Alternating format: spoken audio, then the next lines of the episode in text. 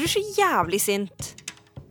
Jeg sitter på T-banen med en jente som er ti år yngre enn meg. Jeg kjenner henne fra Twitter. Hun er en av de få med samme kulturelle bakgrunn som meg, som jeg virkelig tør å fortelle alt til. Jeg spør hun sint på hva? Hun svarer på patriarkatet, vel. Selvfølgelig er jeg pissed off på patriarkatet, og det er så jævlig digg at jeg slipper å være det alene. Hei og velkommen til Sommer i P2.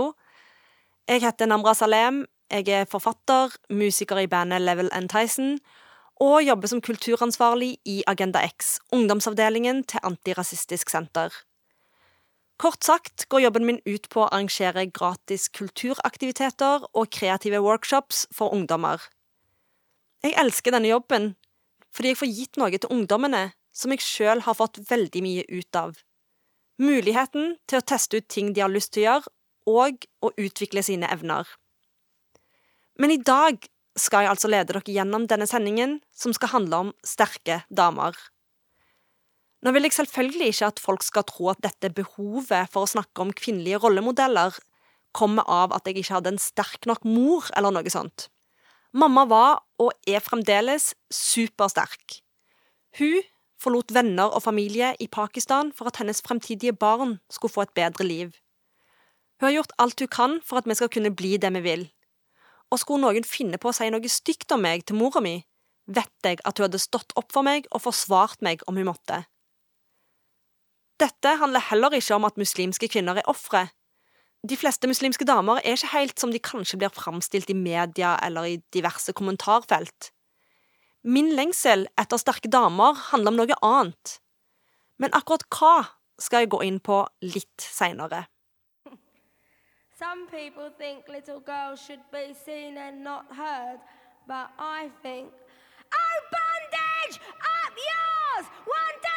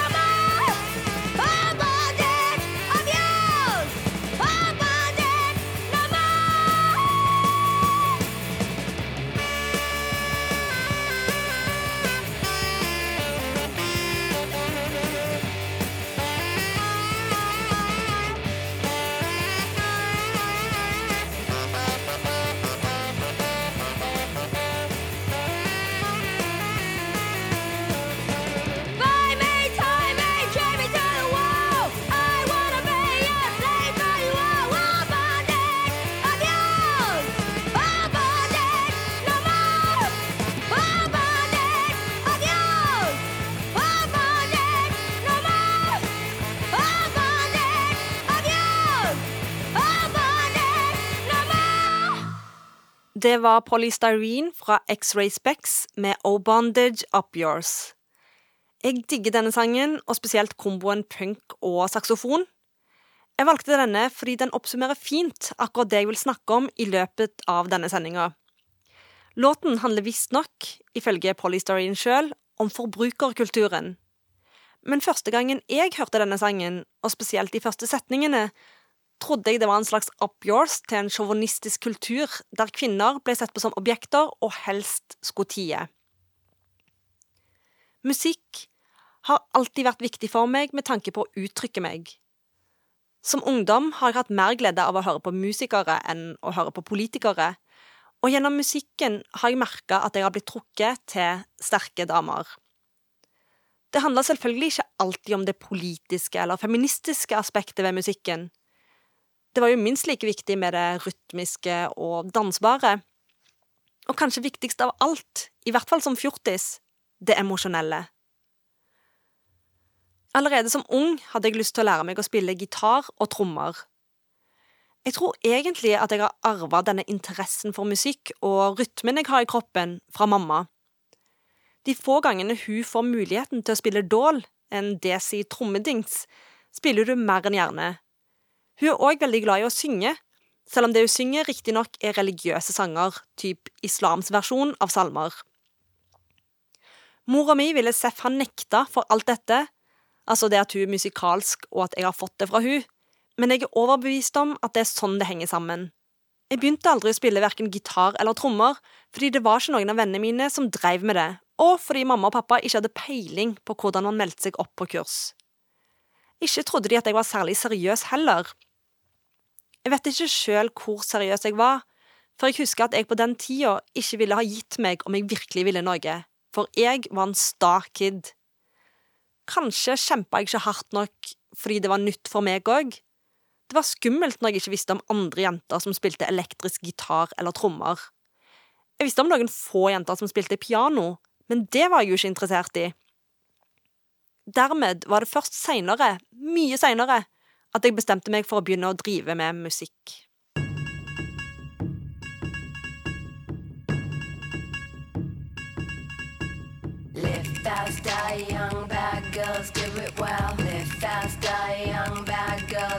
Well. Well. Well. Well.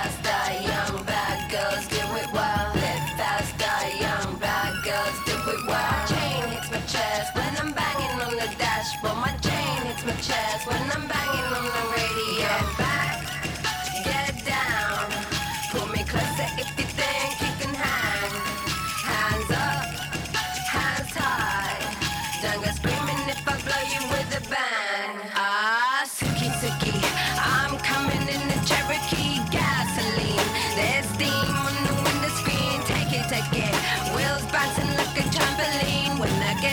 get to where going, gonna have you trembling. Live faster, young bad girls, do it well. Live faster, young bad girls, do it well. Live faster, young bad girls, do it well. Live faster, young bad girls, do it well. Chain hits my chest when I'm banging on the dashboard. My chain hits my chest when I'm banging on the radio. Yeah, back it, back it.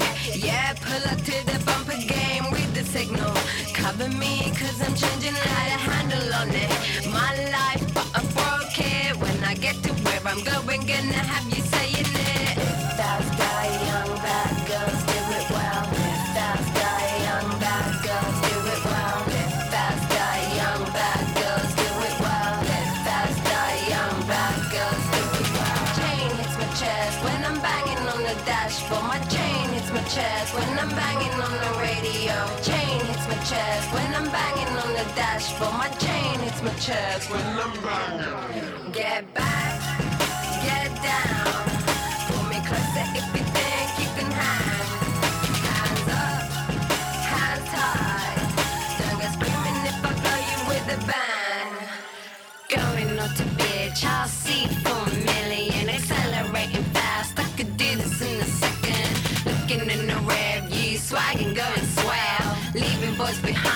Cause legal just to kill.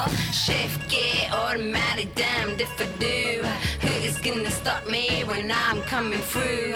What we got left is just me and you. But if I go to bed, baby, can I take you? Get back,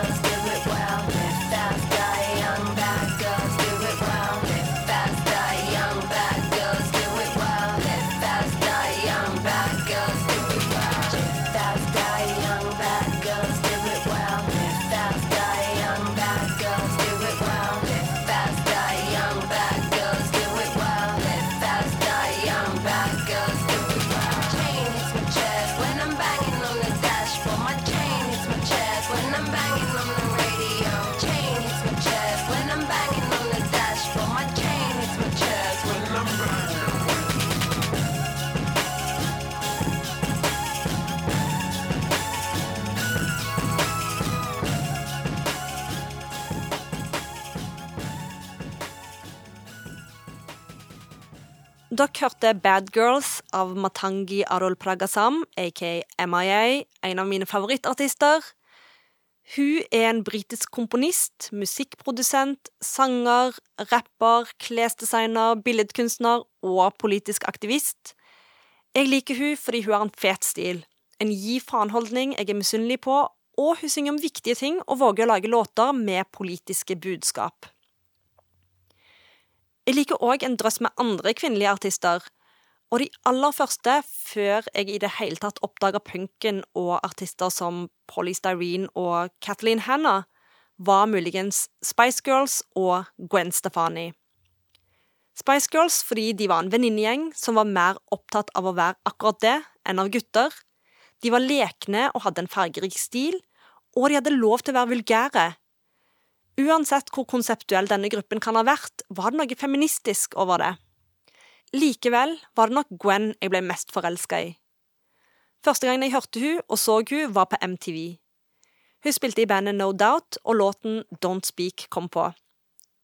Det var kanskje første gangen jeg så en jente spille i band med gutter, og hvor det liksom var jenter som var sjefen. Det var muligens òg første gang jeg hørte en dame synge rock. Det i seg sjøl var utrolig fascinerende for en elleve år gammel meg. Kanskje var det nettopp dette som sådde et bandfrø hos meg, selv om det skulle ta ni år før jeg endelig kjøpte mitt første instrument, en svart Johnny Cash-aktig kassegitar.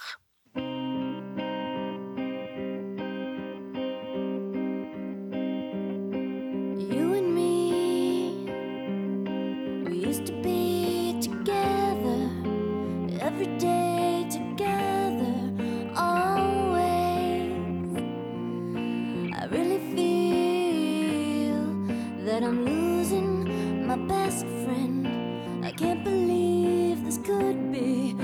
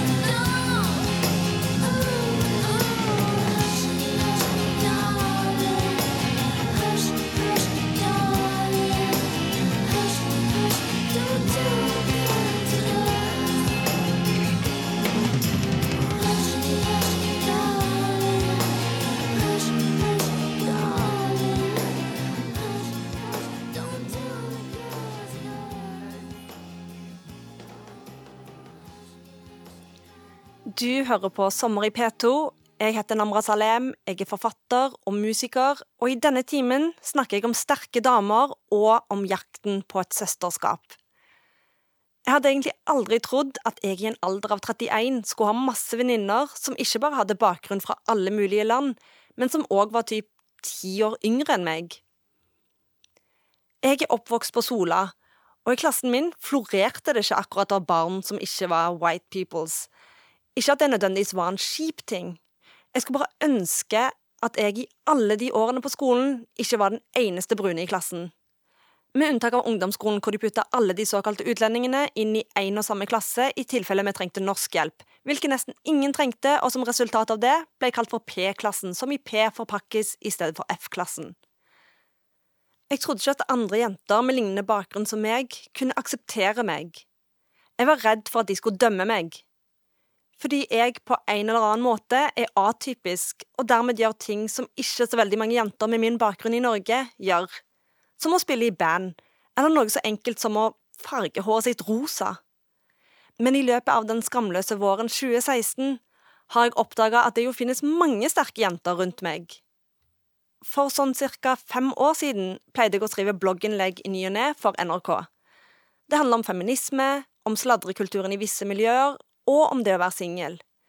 Det kunne egentlig være hva som helst, så lenge temaet gjorde meg sint eller filosofisk eller engasjert. I 2011 skrev jeg en kommentar om sladrekulturen i deler av det pakistanske miljøet, med overskrift 'Sladrehank skal sjøl ha bank'. Jeg skrev det pokker meg ikke langt fra at folk kan finne på å kalle andre folks døtre for ludder, i det pakistanske miljøet er det mye sladring, og alle går rundt og er bekymra for at barna deres finner på noe tull som vil føre til sladring om deres familie. Nå, når jeg sitter her på radio og snakker til dere, er det viktig for meg å si at dette ikke er noe som alle pakistanere gjør, eller et typisk innvandrer- eller muslimproblem. Jeg føler jeg aldri kan få sagt det nok ganger.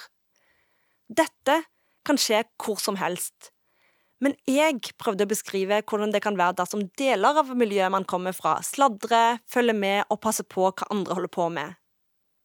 Jeg ville skrive om hvor hyklerisk det er av disse menneskene å snakke dritt om andre, og jeg ville sette ukulturen på plass. Dette er noe jeg har fortsatt å skrive om, for det er ikke greit å sladre og spre rykter om andre mennesker Spesielt ikke når det går så langt at man begrenser andre folks frihet og rett til å kunne leve som de vil. Det er ikke greit at unge mennesker må passe på hva de holder på med fordi de konstant er redde for konsekvensene og går rundt og tenker hva hvis noen ser meg, hva vil folk tenke?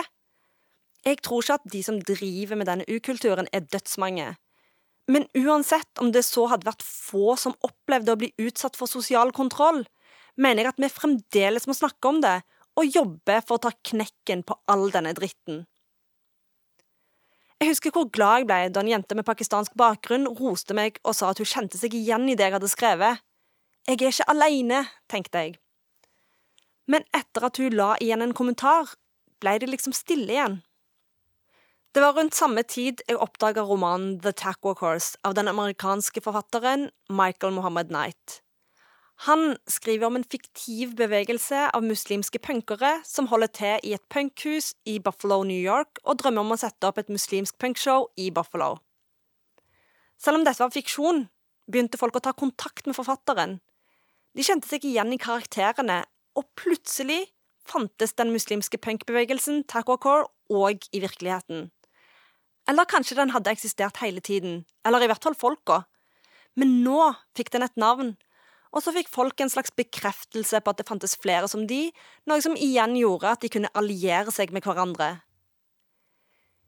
I TV-dokumentaren om Taco Core var òg det amerikansk-pakistanske punkbandet The Cominas med.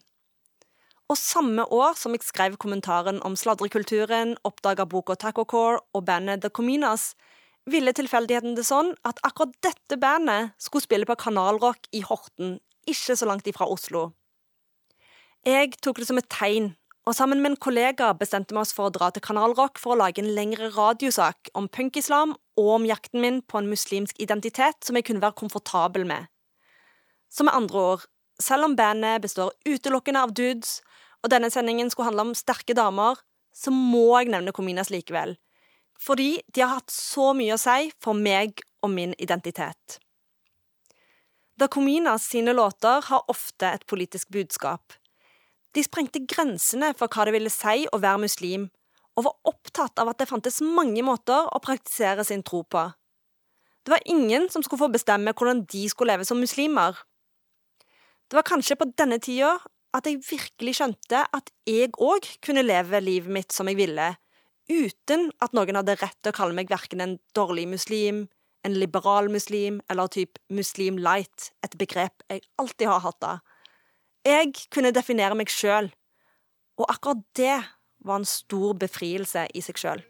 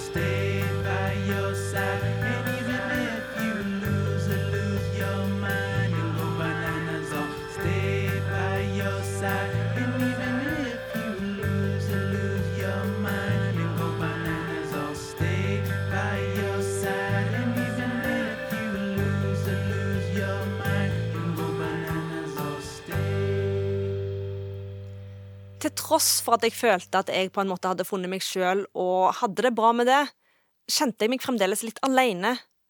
Og jakten på flere sterke kvinner, kanskje til og med noen som levde i min tid, og som det var større sjanse for at jeg kunne komme i kontakt med, fortsatte. Jeg tenkte tilbake på den jenta som la igjen en kommentar på innlegget mitt om sladrekulturen.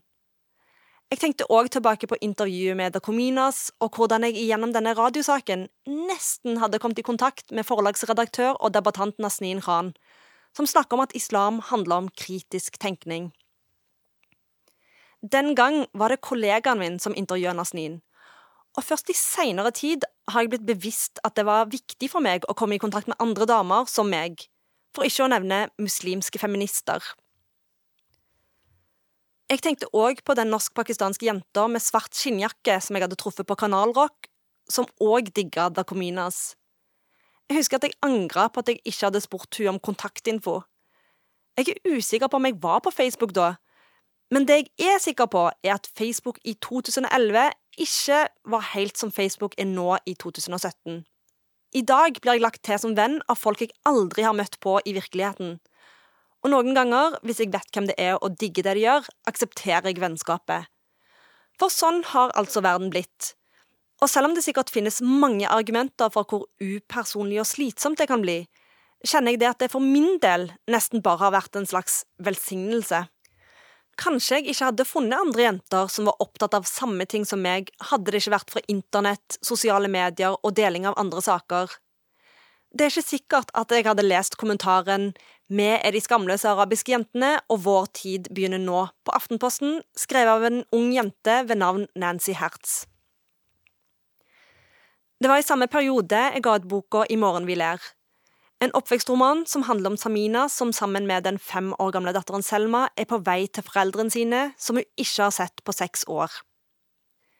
De har ikke hatt noe kontakt på alle de årene, etter at foreldrene fant ut at hun har blitt gravid med en ikke-muslimsk nordmann som hun ikke engang er sammen med lenger. Til andre pakistanere har foreldrene til Samina sagt at hun er død. Hver gang folk hører om denne boka, spør de meg om den handler om meg. Så jeg føler jeg bare må si det med en gang, at nei, den handler ikke om meg, jeg har ingen barn, og jeg har et veldig godt forhold til foreldrene mine. Men selv om det er fiksjon, handler det jo om virkeligheten likevel. Om noens virkelighet, i hvert fall. På mange måter var òg boka et slags oppgjør med sladrekulturen, selv om den handler minst like mye, om ikke mer, om det å vokse opp, om identitet, om hvor klønete man blir når man er forelska, om familierelasjoner osv. Jeg kunne ha skrevet en helt annen bok, men da jeg fikk muligheten til å bruke stemmen min til noe viktig, uansett hvor klisjé det høres ut, ville jeg gjøre akkurat det. Jeg ville skrive om en ikke-stereotypisk jente som gjør noe hun, ifølge noens øyne, ikke burde gjøre. Og jeg ville snike inn en liten up yours til nettopp de folka som tror de er bedre enn andre, som dømmer andre, og som i bunn og grunn ikke er de beste folka. Ikke engang ifølge sin egen koran, hvor det by the way står om ryktespredning og det å tenke negativt om andre og hvor dritt det er. Kanskje var det òg romanen min som gjorde at jeg klarte å gjøre meg synlig for de andre jentene. De jentene som jeg lette etter, og de som lette etter meg. For selv om I morgen vi ler er fiksjon, er rekkefingeren til alle hyklerne-budskapet i boka veldig meg. I remember being asked a lot, but like a lot of different magazines and shit, like, why don't you incorporate your race, your ethnicity, like where you've grown up into your music? I don't identify with that shit. Like, my identity is the music. Everything that you need to know about me is in the music. My home is the music. It's where I originate, it's where I fall apart, it's where I come to life.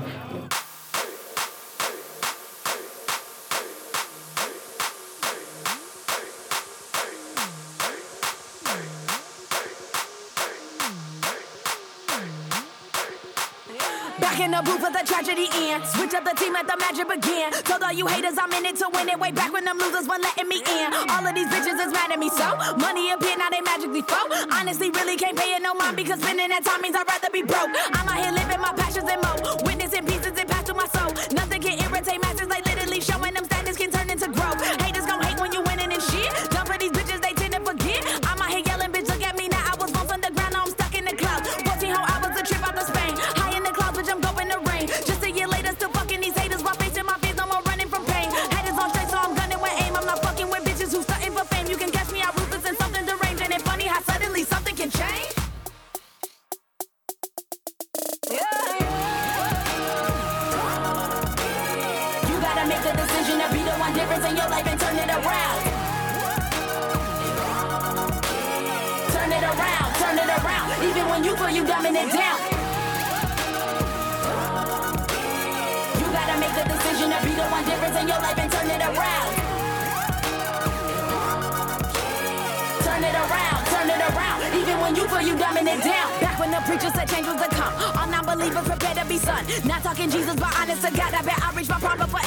it leaves my lungs. Switch up, bitches, adjusting my flow. Go against me and get right from the go. All of you bitches keep taking your shots, but if one come at me, then it's straight for your throat. Harder than nipples on bitches around. Deity swagging, I'm since down. Don't fuck with my bread and don't fuck with my head, cause it gets to that point then I'm seriously vow. Promise you people that evil's a lie. Wish you could see what I see with my eyes. All of the demons that be in my mind, so I burned all my bridges and cut all my ties. Said I would do this back when I was nine. Said I would do this before I got signed. Said I would give all these lost kids and doubters a reason and purpose to question their lives. Give power to none of you cowards and tell me what you think my destiny is. You gotta make the decision to be the one difference in your life and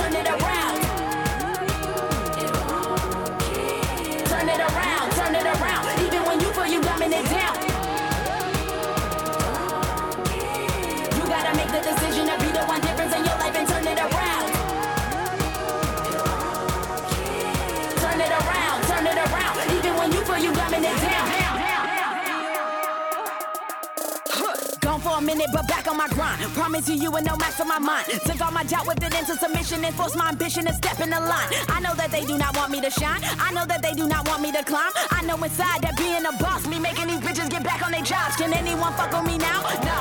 How do these bitches respond? Don't. Looking behind and seeing me now. What do they think I'm beyond? Don't. I just been taking my time, slow, being alone with my mind, flow, putting the concepts of all that's inside me into the shit I've been designed. Flow, crossover pivot, I'm back in the game. NASCAR bitches, I'm tracking my lane. Focus on bridging the gap and showing the youth all the ways to accomplish their dreams. Know how it feels when they kicking you down.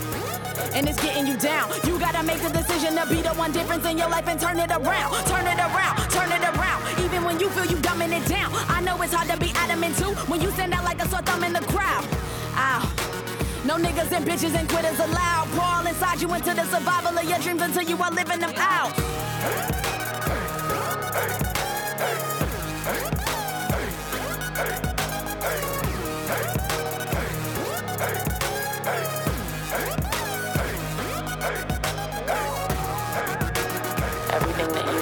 about me is in the music.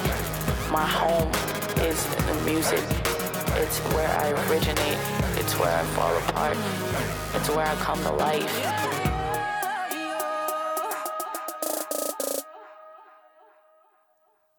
Helt siden jeg var ung, har jeg egentlig vært opptatt av damer. De senere årene på en måte jeg kan stå mer inne for enn da jeg var kid. Da jeg gikk i barnehagen, var jeg veldig glad i Rizwana, som jobba der som vikar. Hovedsakelig fordi hun var så pen. Men i etterkant har jeg tenkt at hun var jo òg mye mer enn det. Hun var streng, og jeg tror hun òg var sterk, men akkurat den siden brydde jeg meg nok ikke så mye om. Uansett, jeg husker den dagen vi skulle late som om vi var vikinger og ble delt inn i to lag som skulle kjempe mot hverandre. Reglene var vage, men jeg tror det gikk ut på å skremme hverandre, og den som ble skremt først, tapte. Jeg valgte å være på det laget som ikke skulle ha på seg Tova-hjelmer. Én fordi jeg følte jeg var fin på håret og ikke ville ødelegge det med stygg hjelm, og to fordi Rizwana òg var på det hjelmfrie laget. Laget vårt tapte. Heldigvis skulle jeg med årene bli mer opptatt av feminismen enn nødvendigvis det feminine. Men det skjedde ikke så raskt som jeg skulle ønske. Det skulle for eksempel ta mange år før jeg begynte å identifisere meg med ordet feminist. Og det var heller ikke sånn at jeg og vennene mine snakka særlig mye om nettopp feminisme, selv om vi jo var opptatt av at alle skulle bli likt behandla. Men det som var tydelig, var at jeg lette etter sterke kvinnelige rollemodeller. Jeg husker ikke når eller hvordan dette skjedde, men jeg er sikker på at det har noe med hvem jeg er som person å gjøre. Jeg har nemlig alltid vært opptatt av rettferdighet, og hvis jeg noen gang opplevde å bli behandla annerledes enn en gutt av en lærer, reagerte jeg. Hvis jeg hørte om jenter, uavhengig av sin bakgrunn, som fikk lov til mindre ting enn brødrene sine, som for eksempel at de måtte komme hjem tidligere, ble jeg jævlig sint. Jeg husker òg hvordan jeg som tolvåring den ene sommeren vi var i Pakistan, fikk kusinene mine til å gå i kvinnetog på taket, bare fordi at jeg hadde skjønt at mange pakistanske kvinner hadde dårligere rettigheter enn menn, noe som provoserte meg. I etterkant har jeg innsett at kvinnetoget ikke nødvendigvis var en god idé, fordi jeg egentlig ikke endra noe som helst, annet enn å gjøre de gira på kamp, for så å dra hjem igjen til frie Norge. Men poenget er, jeg reagerte alltid på urettferdighet. Det i kombinasjon med at jeg var litt rar, typ at jeg ikke interesserte meg for de samme tingene som de rundt meg, gjorde nok at jeg søkte etter damer som brøyt konvensjoner, og som jeg liksom kunne se opp til. På mange måter handla det kanskje om at jeg følte meg utenfor. Jeg ville være kreativ og gjøre ting som å tegne, danse, spille musikkinstrumenter, men i det miljøet jeg vokste opp i på Sola, måtte jeg velge mellom å spille håndball eller å drive med hest på stallen. Da ble det fort håndball, selv om jeg aldri ble særlig god i det. Det er sikkert derfor jeg først i seinere alder begynte å drive med musikk og oppfylle gamle drømmer. Som 20-åring var jeg liksom voksen nok til å kunne kjøpe instrumenter med egne penger, uten å være avhengig av foreldre som ikke helt forsto argumentene for å kjøpe en dyr gitar, eller enda verre, et trommesett. Da jeg hang med norsk-pakistanske jenter, burde jeg nok ha følt meg mer innafor, siden de òg gjerne var opptatt av tegning og dans, spesielt Bollywood-dans. Men òg der følte jeg meg utrygg, eller litt for rar, som om jeg ikke var pakistansk nok. Det betyr ikke nødvendigvis at det hadde noe med disse jentene å gjøre, for det hendte jo at jeg traff på noen rebelske jenter òg, som type røyka i smug og sa til meg at jeg ikke måtte si noe til noen. Og så ble jeg fornærma for at de mistenkte meg for å være sladrestaner, og siden jeg ikke røyka, så var jeg liksom ikke innafor der heller. Og det er akkurat det. Det handler egentlig bare om å se at noen ligner på deg, og at vedkommende gjør eller interesserer seg for det samme som deg. Hadde jeg møtt på en jente som ligna litt på meg, og som dreiv med musikk, hadde det kanskje vært lettere for meg å kaste meg på det, i stedet for å bli håndballspiller, eller i mitt tilfelle en innbytter benksitter. Det er òg nettopp derfor jeg henger meg opp i damer som mener noe jeg òg mener. I hvert fall nå som jeg har funnet ut at det ikke er sånn som jeg trodde da jeg var yngre. Det er ikke sånn at jeg er unik, og at det finnes få som meg. Heldigvis finnes det mange. Who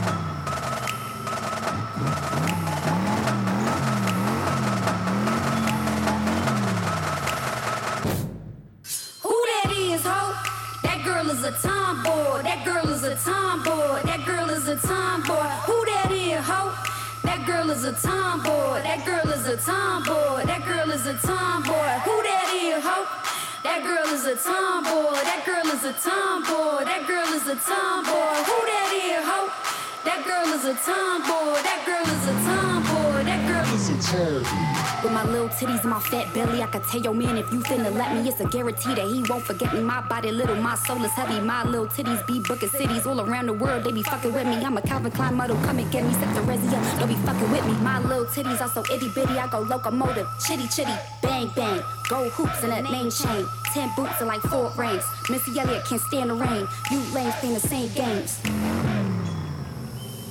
Little titties and so damn pretty. Staircase in a crack Philly. Little titties and a fat kitty. Big pants and some stuffed shoes. Bow bow. Blues clues.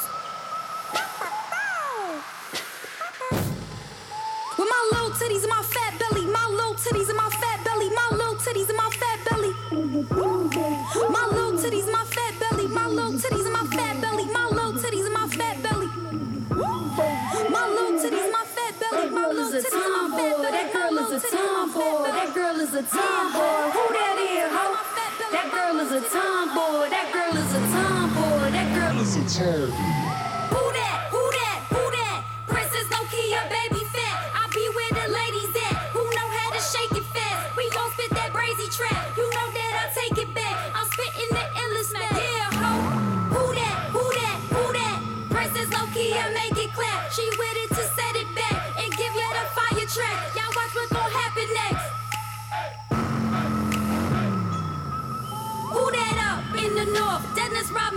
court. When I step up in the function, it's a party, of course. I'm having fun with my friends, and I don't want it to end. And if you finna blow my hot, then I'ma punch you again. With my little titties and my fat belly, my little titties and my fat belly, my little titties and my fat belly. My little titties, my fat belly, my little titties and my fat belly, my little titties and my fat belly. My little titties, my fat belly, my little titties and my fat belly. That girl is a tomboy. That girl is a tomboy. Who that is, ho? That girl is a tomboy. That girl is a tomboy. That girl is a He's so in love, he think it's a spell. This level's too magic and he cannot tell. He fuck with my bro, how my pussy is spelled. My toto is special, got locks like a jail. It's Polo, it's Tommy, it's Mecca, it's Naughty. I'm finna sit back and just sip on Bacardi. You come to my party, you gon' be my army. A room full of girls and we acting rowdy.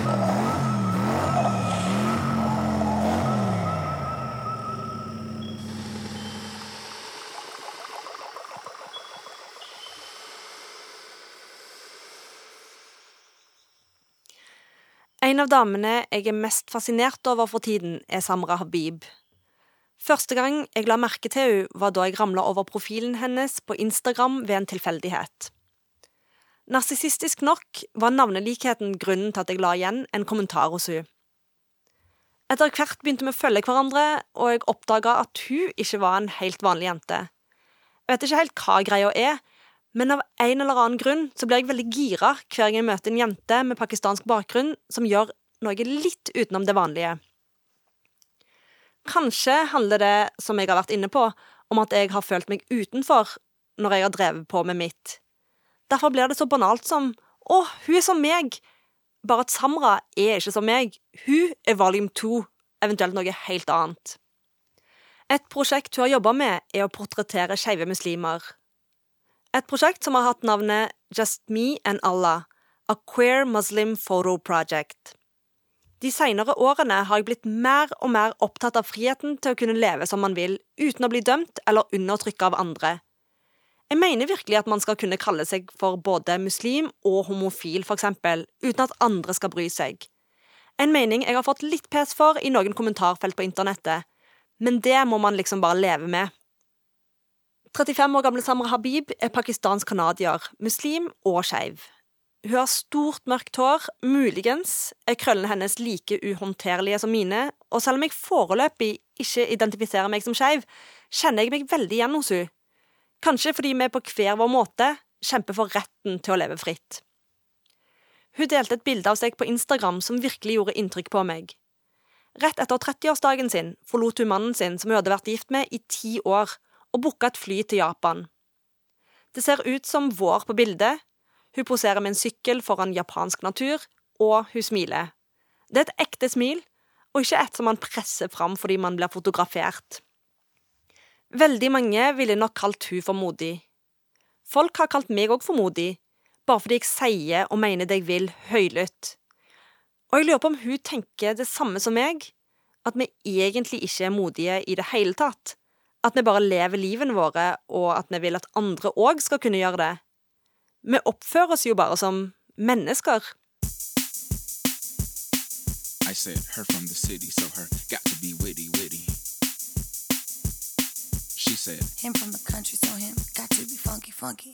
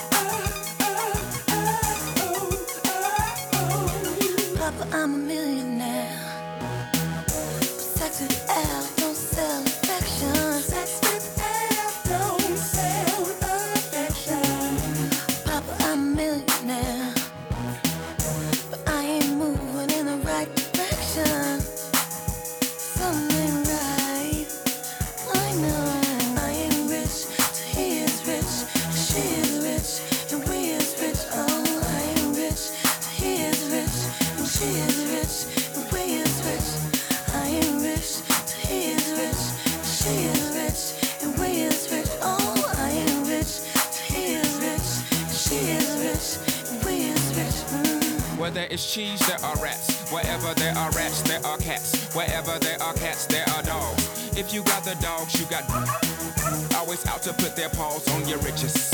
If you got riches, you got glitches. If you got glitches in your life computer, turn it off and then reboot it. Now you back on. Can't just put the cap on the old bottle. Once you pop it, that'll spoil it. Gone and drink it and enjoy it. Oh, mama, I'm a millionaire. She just has time's not time, just pay.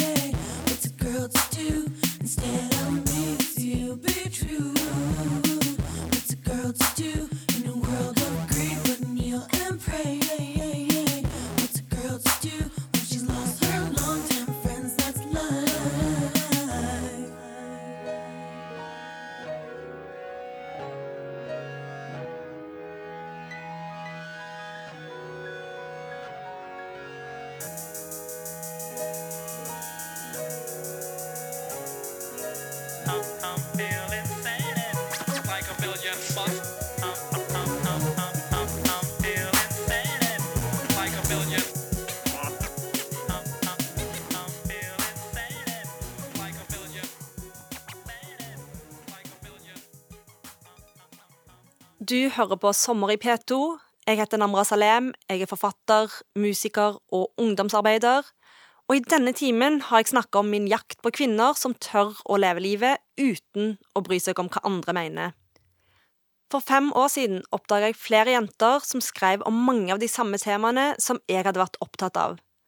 Og som nevnt tidligere, hadde det ikke vært for internett, er det ikke sikkert at jeg hadde funnet jentene med muslimsk bakgrunn som jeg kunne kjenne meg igjen i. De som utfordrer samfunnet og sa akkurat det de mente, selv om de kunne provosere både folk fra sitt eget miljø og white peoples. Jeg kunne ha gått glipp av Isra Zariat, som skrev om kvinnekamp og jomfrusjekk, og jeg kunne ha gått glipp av Nancy Hertz, som lanserte begrepet de skamløse arabiske jentene, og som senere har fått Fritt Ords honnør for sitt arbeid for å belyse og bekjempe sosial kontroll i innvandrermiljøer sammen med Sofia Sror og Amina Bile. Jeg digger alle disse jentene, og bare det å ha kommet i kontakt med dem gjør at kampen ikke føles så ensom lenger. Spesielt glad blir jeg når jeg tenker på de guttene og jentene som er yngre enn meg, at de faktisk har en mulighet til å finne fram til likesinnede og kanskje finne støtte hos hverandre, at de ikke trenger å gå rundt og føle seg utenfor fordi de kanskje ikke er helt sånn det forventes at de skal være, om det så er forventninger fra familie, deler av miljøet deres eller hva som helst. Det gir virkelig håp for framtiden. Det var da jeg fant disse jentene at jeg virkelig skjønte hva søsterskap er, hvor viktig og bra det kan være å på en måte samle seg og kjempe for rettferdighet sammen, eventuelt bare feste sammen. Kanskje har jakten min på sterke kvinner egentlig handla om jakten på et søsterskap, et fellesskap med kvinner som har en lignende bakgrunn som meg, og som tør å si ifra og ta et oppgjør med dårlige holdninger, uansett om de kan provosere folk fra ens eget miljø eller ikke-flerkulturelle nordmenn. Jenter som tør å si fuck deg. Og nå har jeg på en måte funnet det.